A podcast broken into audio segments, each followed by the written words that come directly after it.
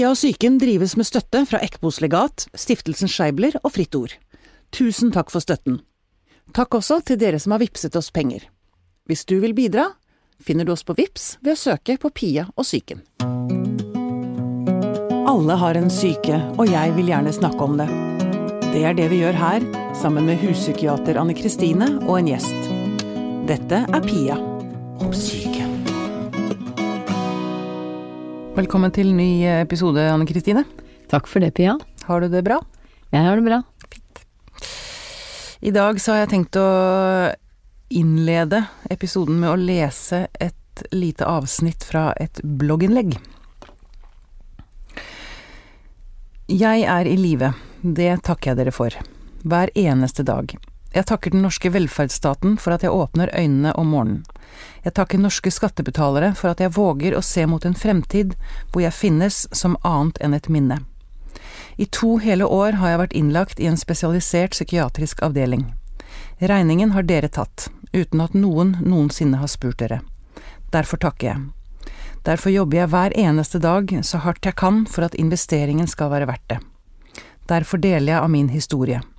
For å takke de som gjør det mulig at noen som ikke ønsker å være i live, kan velge å leve. Dette er skrevet av gjesten vår i dag, Ingeborg Senneset. Velkommen hit. Tusen takk. Du er eh, journalist, kommentator kanskje heller, i Aftenposten. Nei, da, journalist er riktig. Journalist, journalist er riktig. Ok, men og du skriver blogg. Jeg gjorde det. Eh, og det innlegget der, det hadde jeg jo ikke tenkt på eller lest på flere år, så det var veldig rart å høre nå. Ja, det skjønner jeg. Um, og du har slåss, eller slåss kanskje fortsatt med, anoreksi. Mm. Mm.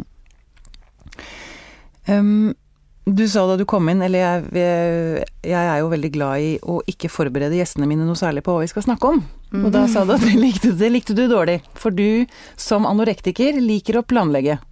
Altså, som gammel anorektiker så er jeg jo veldig vant til å også ha ting ganske klart, da. Og så liker jeg jo å gjøre ting Jeg liker jo å gjøre ting best mulig. Ja. Eh, og da syns jeg ofte det er en fordel å f.eks. vite hva jeg skal snakke om. Jeg skal ja.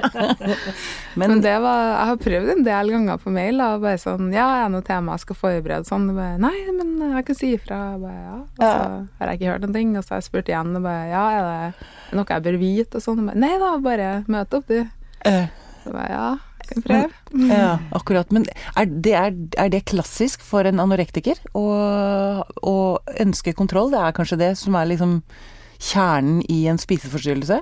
Det, det er veldig forskjellig. Ja, okay. Um, anorektikere er jo like forskjellige som alle andre. Ja. Um, men eh, for, eh, for kanskje en del, da, så er det naturlig å, å like å ha litt oversikt.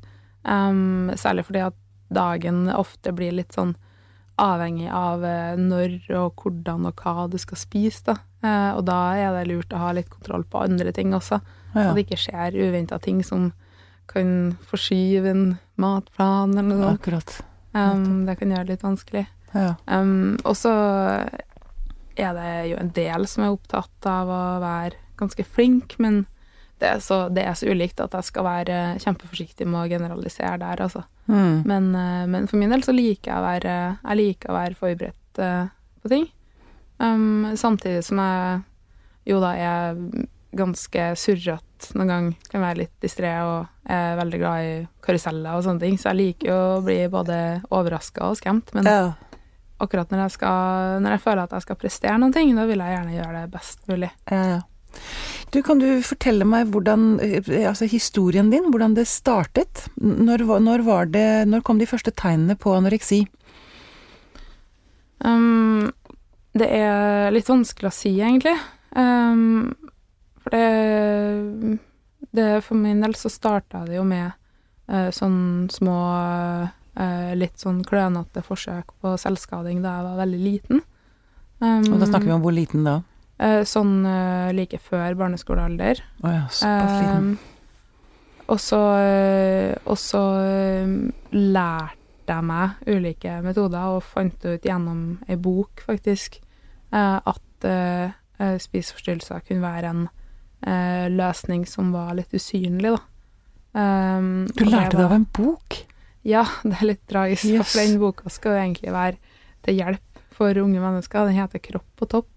Ja. Uh, og der var det en historie om, eh, om Malin som hadde spiseforstyrrelser, og da var jo det egentlig skrevet som Det var skrevet godt, liksom. Det var en pedagogisk sak med uh, med sånn ble hun syk, og sånn ble hun bedre.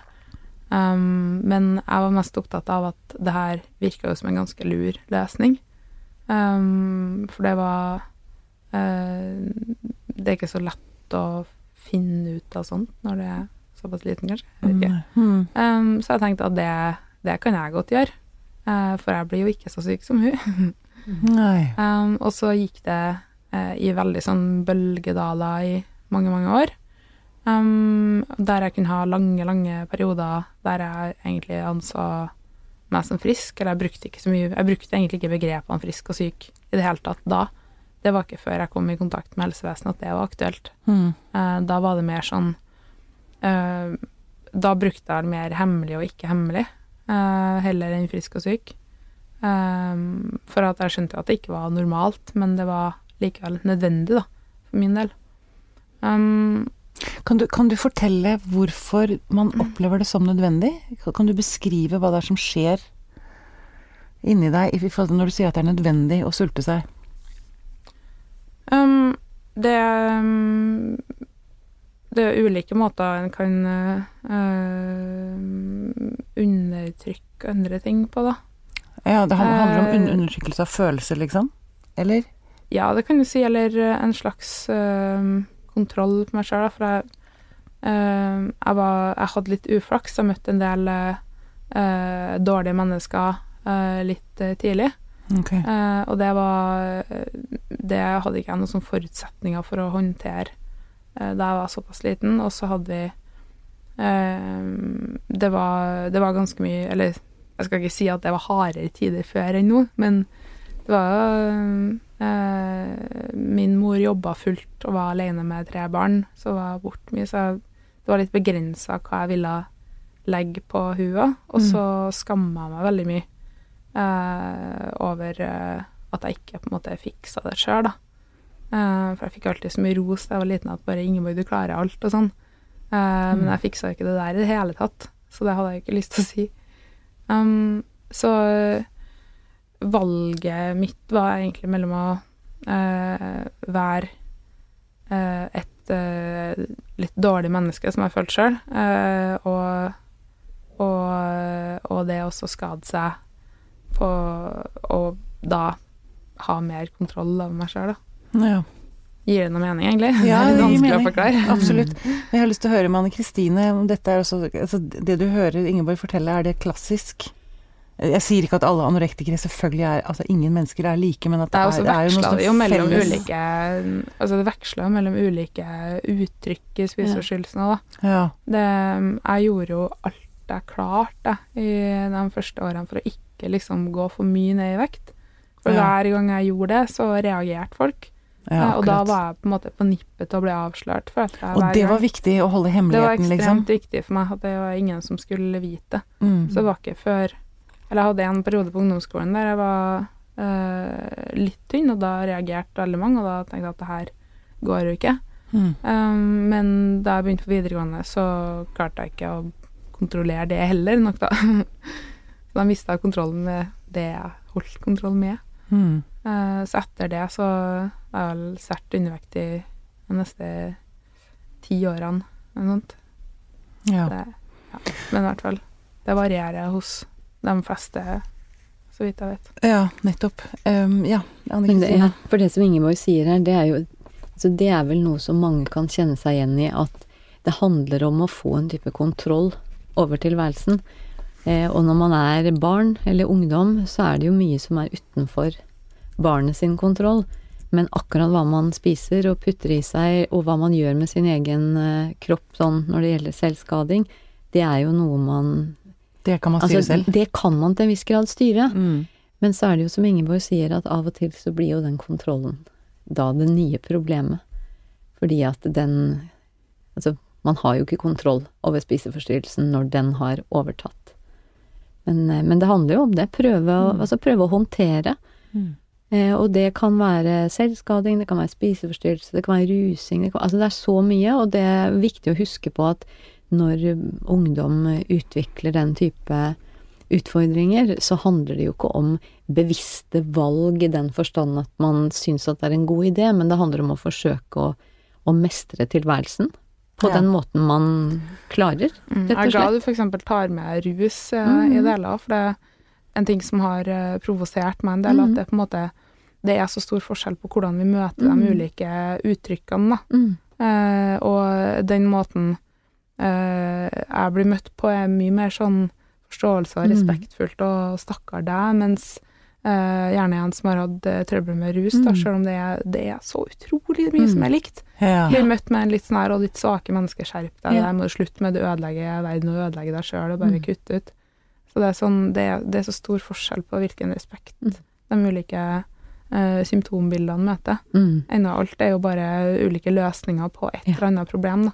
Og det problemet er jo det vi burde hjelpe folk med, istedenfor Ja. å gi dem mer skamfølelse for de løsningene de har valgt. Mm. Ja, det, det var jo en sak om en, en som drev med selvskading, som havnet på legevakten igjen, som fikk Mm. beskjed av sykepleier, eller den som tok imot, at du trenger ikke bedøvelse, for du er jo så glad i smerte, eller noe sånt noe. Ja, jeg kjenner personlig flere som har opplevd Ja, det samme. samme. og Mener du det? Det, ja. det, det, det, det Altså, én ting er at folk som ikke jobber med dette, kan være ubetenksomme, ja.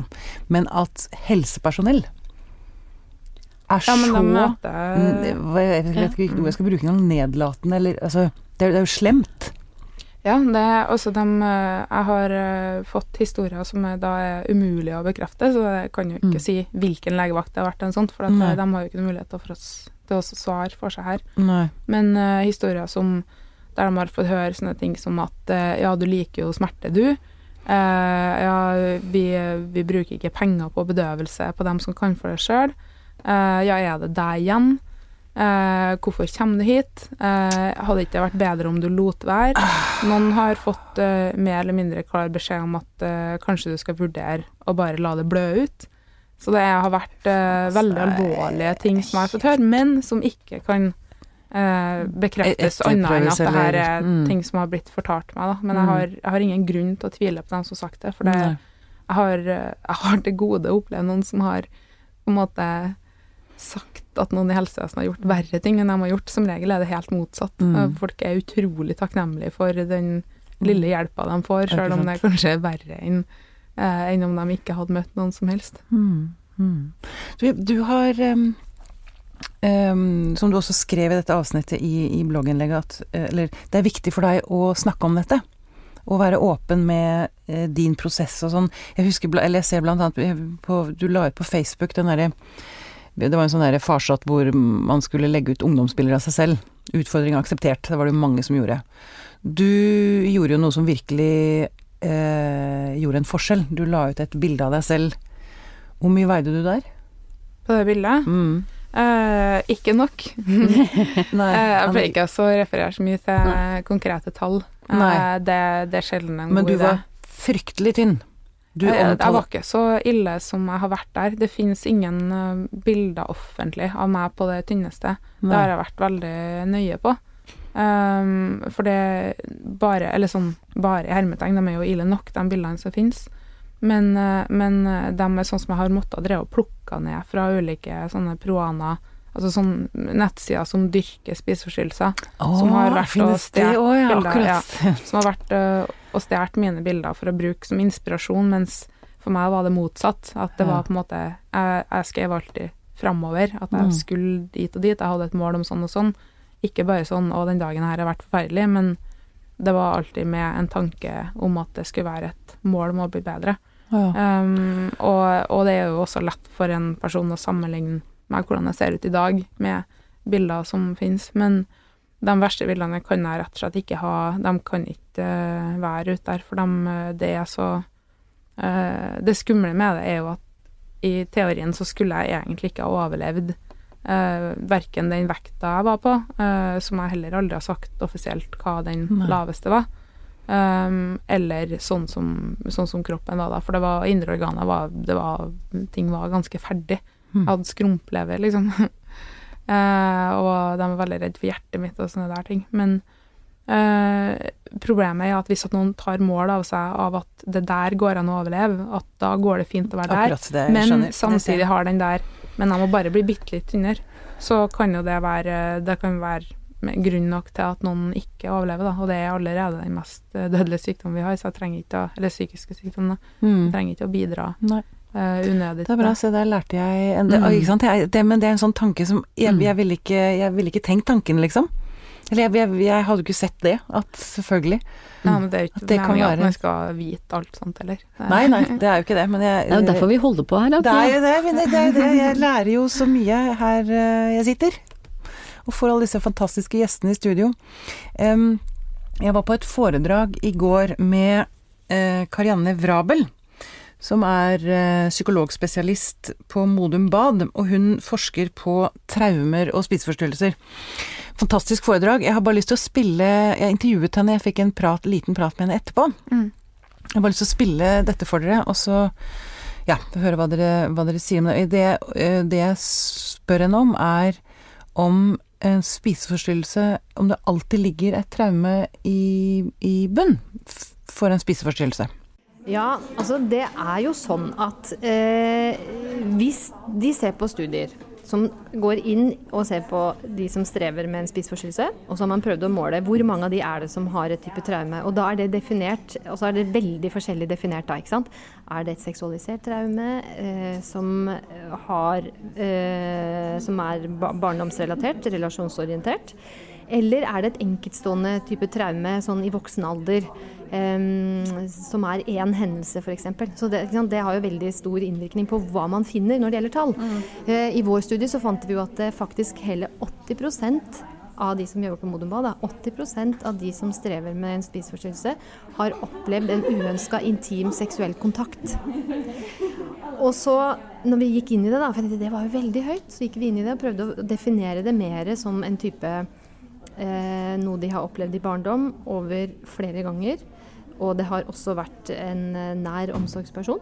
Så var det 20 eh, Så da sank det på en måte. Ikke sant? Så her er det spennende stort. da. Men og hvis man ser på litt sånne større internasjonale studier, så er det de, veldig mange som viser sånn rundt regna sånn 30% av de som strever med en spiseforstyrrelse, har opplevd traumatiske erfaringer. Og det som også viser seg, da, er jo at eh, hvis du, hvis du ser på andre typer psykiske lidelser, så er det faktisk veldig ofte det samme forekomsten. Da må jeg bare spørre også, Betyr det at en spiseforstyrrelse ikke skapes av dette presset i media om å være tynn og perfekt? Nei, altså det, det er jo der da at det, dette her er jo så mangslungent, ikke sant. Det, det er mange faktorer som er med på å påvirke om det blir en spiseforstyrrelse. Um, men de som Hvis man har sett på type risikofaktorer for spiseforstyrrelse, så er det jo mange ting som er med å påvirke det. Det er eh, det som kan utløse det for enkelte, kan være disse tingene som vi ser i media. Det ytre fokuset, prestasjonsfokuset, fokuset på å dressere kroppen. Eh, Men det er bare utløsende, det, Ja, det det- skaper det ikke. Nei, det, altså det er, eh, for, for, de, for langt de fleste så er det kanskje utløsende. Men for de som får en alvorlig lidelse som vedvarer over tid, så er det gjerne også andre faktorer som er med på å påvirke. Ikke sant? Som f.eks. traumer, da. Eller, eller krenkelser av type slag. Eller, noen fokuserer også på gener. De mener at det kan også være ulike gener som spiller inn på en spesiell måte for den det gjelder. Altså, sånn at Der er det mye ugjort enda. Men når det blir liksom, det har satt seg da, over tid og er fast, så er det gjerne mange faktorer som er med å påvirke det. Altså. Ja. Det er jo en overvekt av kvinner som får spiseforstyrrelser, stemmer ikke det? Jo, Ja. Hvordan slår det altså Det er jo ikke, det er ikke bare kvinner som utsettes for traumer i barndommen eller Nei. oppveksten, men hvordan slår det ut for menn? Ja, altså, eh, det er jo ikke sånn at det er en, eh, en psykisk kjønnssykdom, det her. Så, så det er ikke bare kvinner, for å si det sånn. det er klar, klar overvekt. Det er klar overvekt, men det er mange, man har gjerne sagt i alle år at det er én av ti er menn. Eh, men det er mange mørketall der. Eh, og når det kommer til traumer og menn og spiseforstyrrelser, så er det vel ikke altså Jeg kan ikke komme på en studie i farta som jeg har sett som har fokusert på det. Nei. De, de får kanskje andre psykiske lidelser, eller de, de tar det, blir, blir voldelige, eller det, det blir kanskje en, bare å gjette her. Ja, det blir jo bare å gjette, men det kan vi jo tillate oss, da. Men øh, det som veldig mange de har sagt noe om, og det er der liksom, hvis jeg skal tenke som forskeren i meg, da, gjør at dette blir problematisk, er jo for at de diagnosekriteriene som har vært før, de har jo vært kjønnssegregerende eller kjønnsdiskriminerende. Fordi f.eks. For ett av kriteriene for anoreksi skal jo være at du skal ha fravær av menstruasjon da er det vanskelig å fange opp en mann. Det er vanskelig en mann, ja. ja. Er, også, også det, så, og, og, og, det er også et annet kriterium, og det er også det at du skal se deg selv som eh, stor når du faktisk har altfor lav vekt. Og det er gjerne ikke den dynamikken menn har, da. Veldig mange av de har eh, en opplevelse av å være for eh, små når de egentlig ønsker å bli store. Sånn at det, det har litt annen dynamikk, men det som ligger i altså, Apropos dette vi har snakka om i dag, da, med å gå bak og bak og bak, hva dreier det seg om, så kan mye av dynamikken være den samme. Altså, det kan være en opplevelse av en eh, selvutilstrekkelighet. Eh, vanskelig med å ha mestringstillit og mestringstro på seg selv. Ja. ja. Fikk dere noen tanker? Ja, det var veldig gjenkjennbart og veldig interessant å høre på. Jeg kunne Ja. hørt på det der lenge, altså. Ja. Satte det i gang noen tanker hos dere, det hun fortalte? Eller dette med at det, er ofte et traume, og noe av det hun også sa i går, var vel også at de som sliter med spiseforstyrrelse lengst, eller det de ser, er at eh, de som sliter lengst, de har som regel en eh, seksuell, et seksuelt traume. De blir utsatt for overgrep eller lignende i barndommen. Si, sånn sett så er det vel ikke direkte overraskende. Fordi at som vi var inne på i stad, så handler jo mange, mye av de tingene vi snakket om, både det med, med rus og det med selvskading og det med, med spising, om eh, forsøk på å mestre. Mm. Og da er det jo gjerne noe som skal mestres. Og da har man jo kanskje hatt eh, utfordringer i livet sitt som har vært vanskelige å mestre på andre måter, eller man har hatt eh, eh, for eksempel eh, ikke godt nok støtteapparat og nettverk rundt seg, så man har blitt gående helt aleine med det som har vært vondt og vanskelig. Mm. Og så gjør man jo det man må da, for å overleve. Og så kan det være ting Altså, mye av dette her fungerer jo, og det syns jeg er viktig å, å få fram at for eksempel når folk ruser seg, så virker det jo der og da. Det er bare det at problemene har ikke forsvunnet mens man er rusa, Mm. så de kommer tilbake med kanskje større styrke etterpå. Men, men veldig mye Altså veldig mye av denne mestringa virker jo der og da. Sånn at det gir jo en opplevelse at man faktisk da får mestra det som er vondt, eller man får en armlengdes avstand til følelsene, eller hva det nå er. Mm. Men så blir jo den måten man mestrer på et problem i seg sjøl, Ja. og så får man ikke jobba med det som ligger bak. Mm, Og det sier jo Karianne veldig fint, ikke sant. Vi må se bak, og vi må se bak, og vi må se bak. Ja. Og hun snakket om det, det syns jeg var så morsomt, eller interessant, for hun snakket om at for 40 år siden så var øh, psykoterapi veldig problemfokusert, altså hva er det som er galt? Mm. Og så gikk det noen år, og så ble det positiv psykologi, hva er riktig, hvordan skal vi bygge videre på det? Og så gikk det til det som ofte har vært brukt nå i det siste, er til stede her og nå, altså mindfulness. Mens det nye som kommer nå, handler om compassion. Mm. At å trøste det lille barnet som fikk det såret den gangen, at det er oppgaven vi, en, en terapeut må gjøre. Du smiler, Jeg Ingeborg. for jeg har egentlig vært gjennom alle. Ja. Men du, hva var det som eh, fikk det til å snu for deg? Hva, når var det, kom det til et vendepunkt? Har du et klart vendepunkt i din sykdom? Nei, jeg har mange. Ja. Men uh, en ting som jeg syns er kanskje litt greit å nevne, er at vi må, vi må også komme på at det har kommet fram at, uh, at overgrep generelt også er veldig vanlig. Uh, sånn at med vanlig så er det jo de tallene som har blitt presentert av forskning i det siste, med, som varierer med alt fra at én av ti har opplevd osv.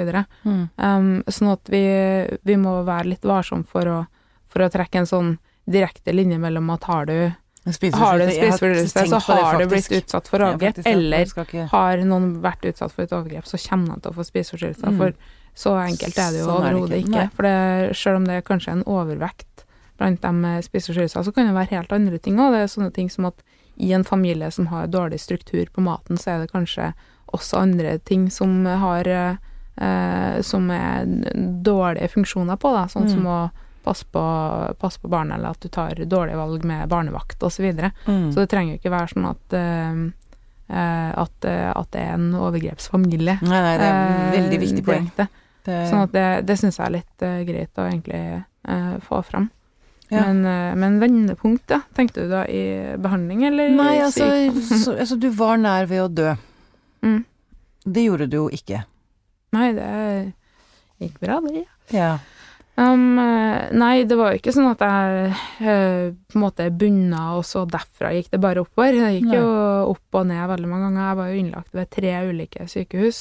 Akkurat. Um, og ble litt dårligere um, på, på alle tre, uh, før jeg da til slutt på nummer tre da begynte å på en måte uh, gå oppover. Um, jeg hadde, jeg hadde mange sånne ganger der jeg på en måte bestemte meg personlig for at nå vil jeg virkelig satse på det og få det til sjøl.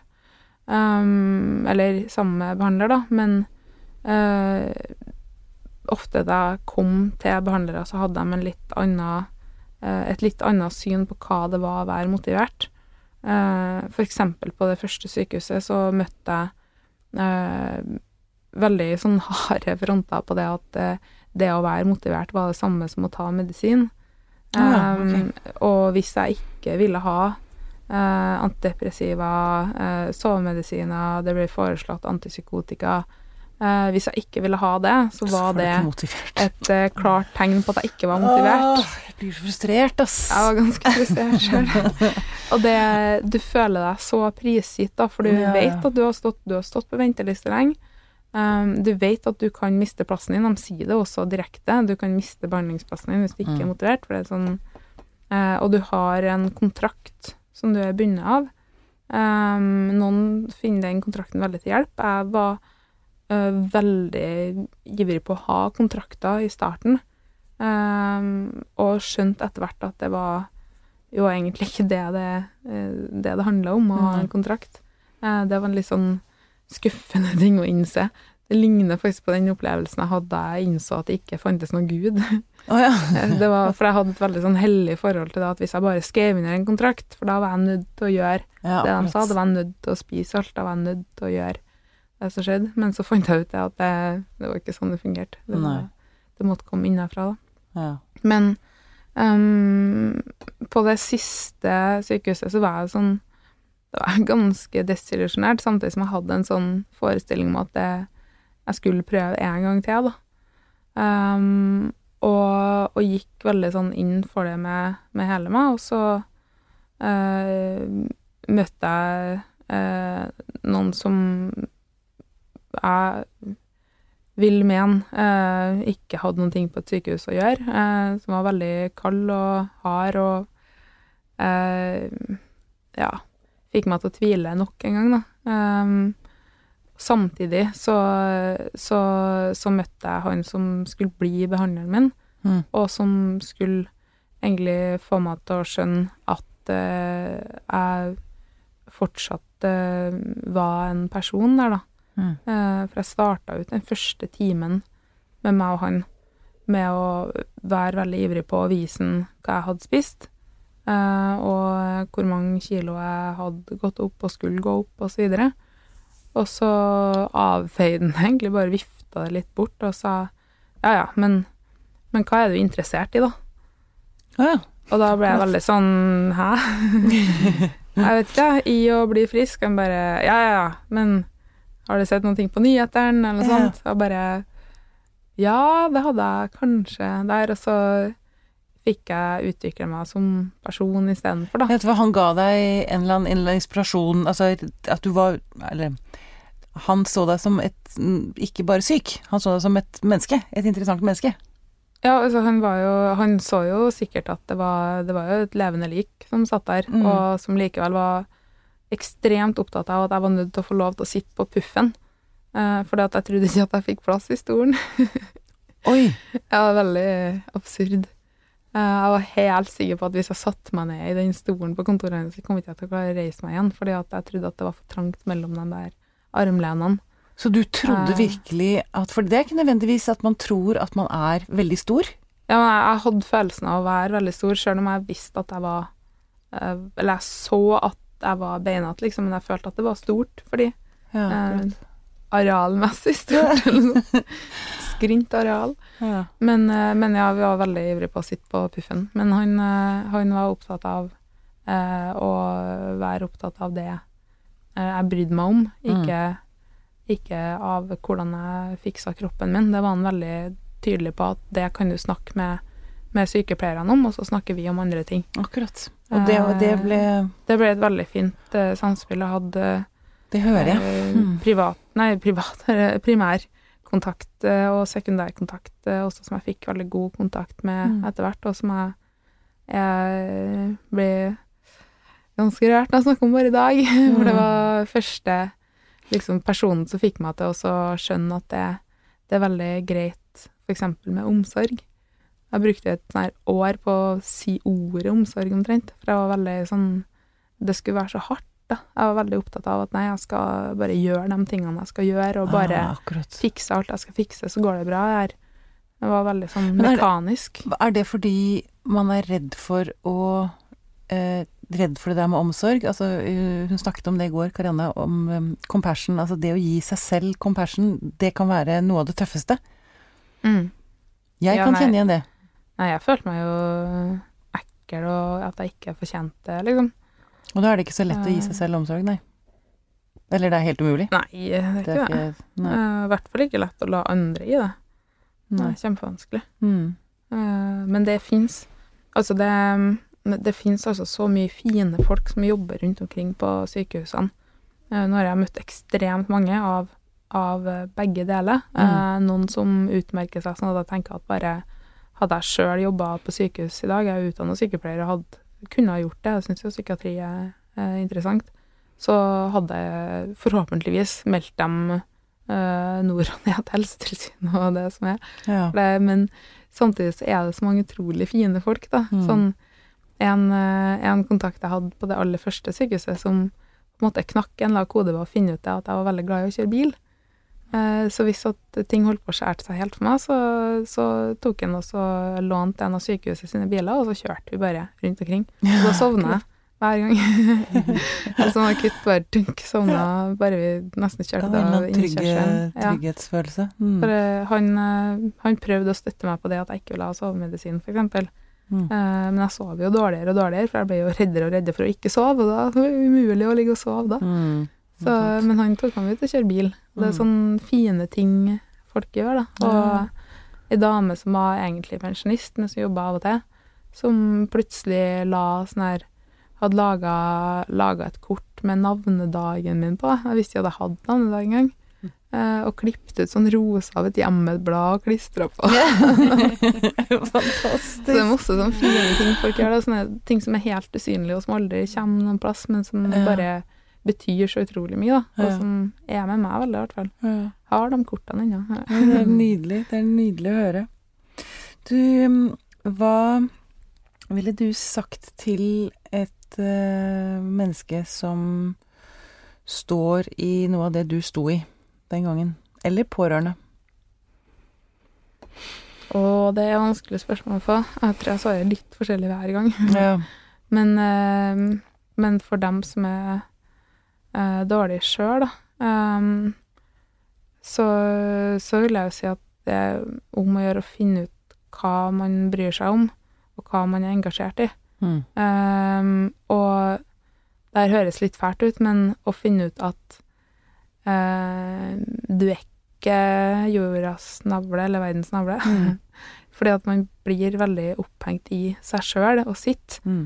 eh, og får en sånn forestilling om at alt kan bli bedre bare jeg fikser meg sjøl, men det er ikke oss sjøl vi trenger å fikse, egentlig. Det er så mange ting her i verden som trengs å fikses. Mm. Og hvis man klarer å rette oppmerksomheten litt ut av seg sjøl, og på ting som, som faktisk betyr noen ting, eh, så kan det bli litt smått, det vi sjøl baler med. Ja. Eh, og det er en bra ting. Eh, det, og det handler ikke om at man på en måte nedvurderer eller undervurdere den smerten man har, eller noe sånt.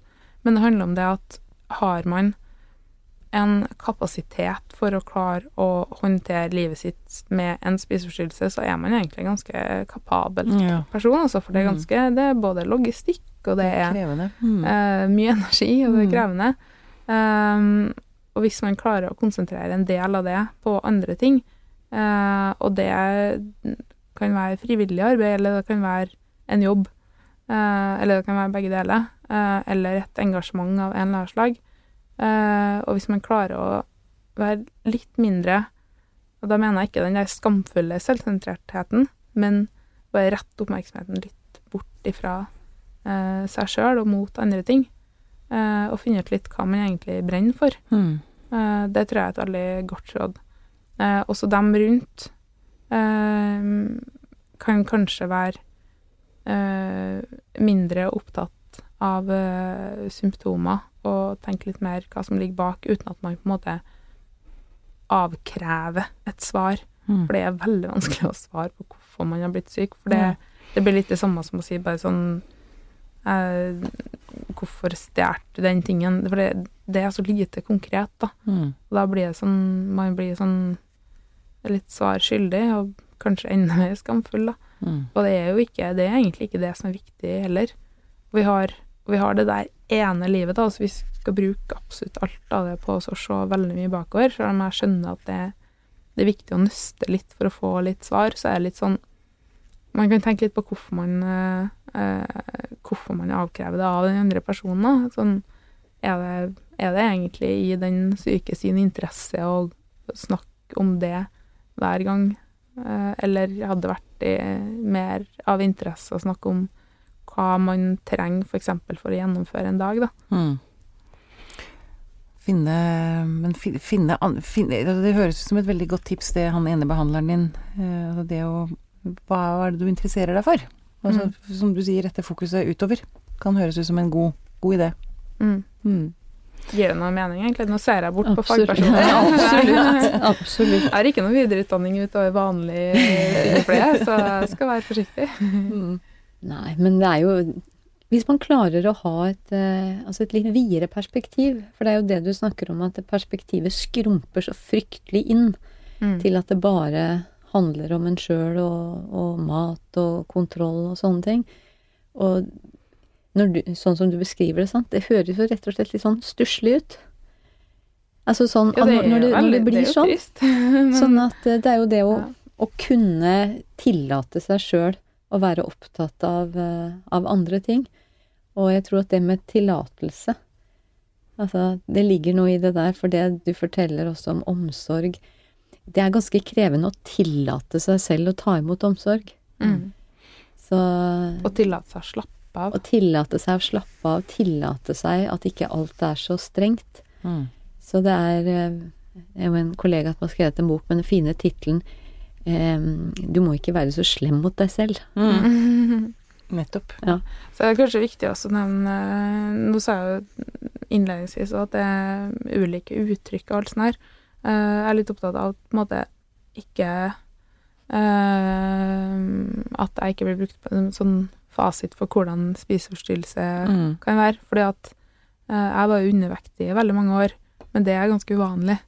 Eh, og det er ikke noe verre eller bedre enn dem som er normalvektige eller overvektige, eh, som jo da er også det mest vanlige. Mm. Men dessverre også mye mer knytta til skam. For da er du på en måte ikke en flink spiseforstyrrer hvis du ikke er undervektig. Er veldig, veldig trist, men også ganske utbredd Mm. å se sånn. Um, så det, det er litt viktig å få med, syns jeg. Eh, Men ser du på deg selv som frisk i dag? Ikke frisk, men jeg driver fortsatt ikke så mye med de begrepene. Jeg tror ikke at det jeg tror ikke at det lønner seg så mye at vi driver og snakker så mye om frisk og syk uh, ellers heller. Akkurat. Um, det er ganske begrensende uh, rammer. Ja. Litt sånn enten-eller. Um, men uh, eh, jeg er ikke der jeg vil være ennå, nei. Eh, og jeg må stadig vekk liksom skjerpe meg, hvis jeg skal kalle det det. ja. Um, men det, det ordner seg vel etter hvert. Det gjør det. Ingeborg Senneset, tusen takk for at du kom til oss. Tusen takk for at jeg fikk komme.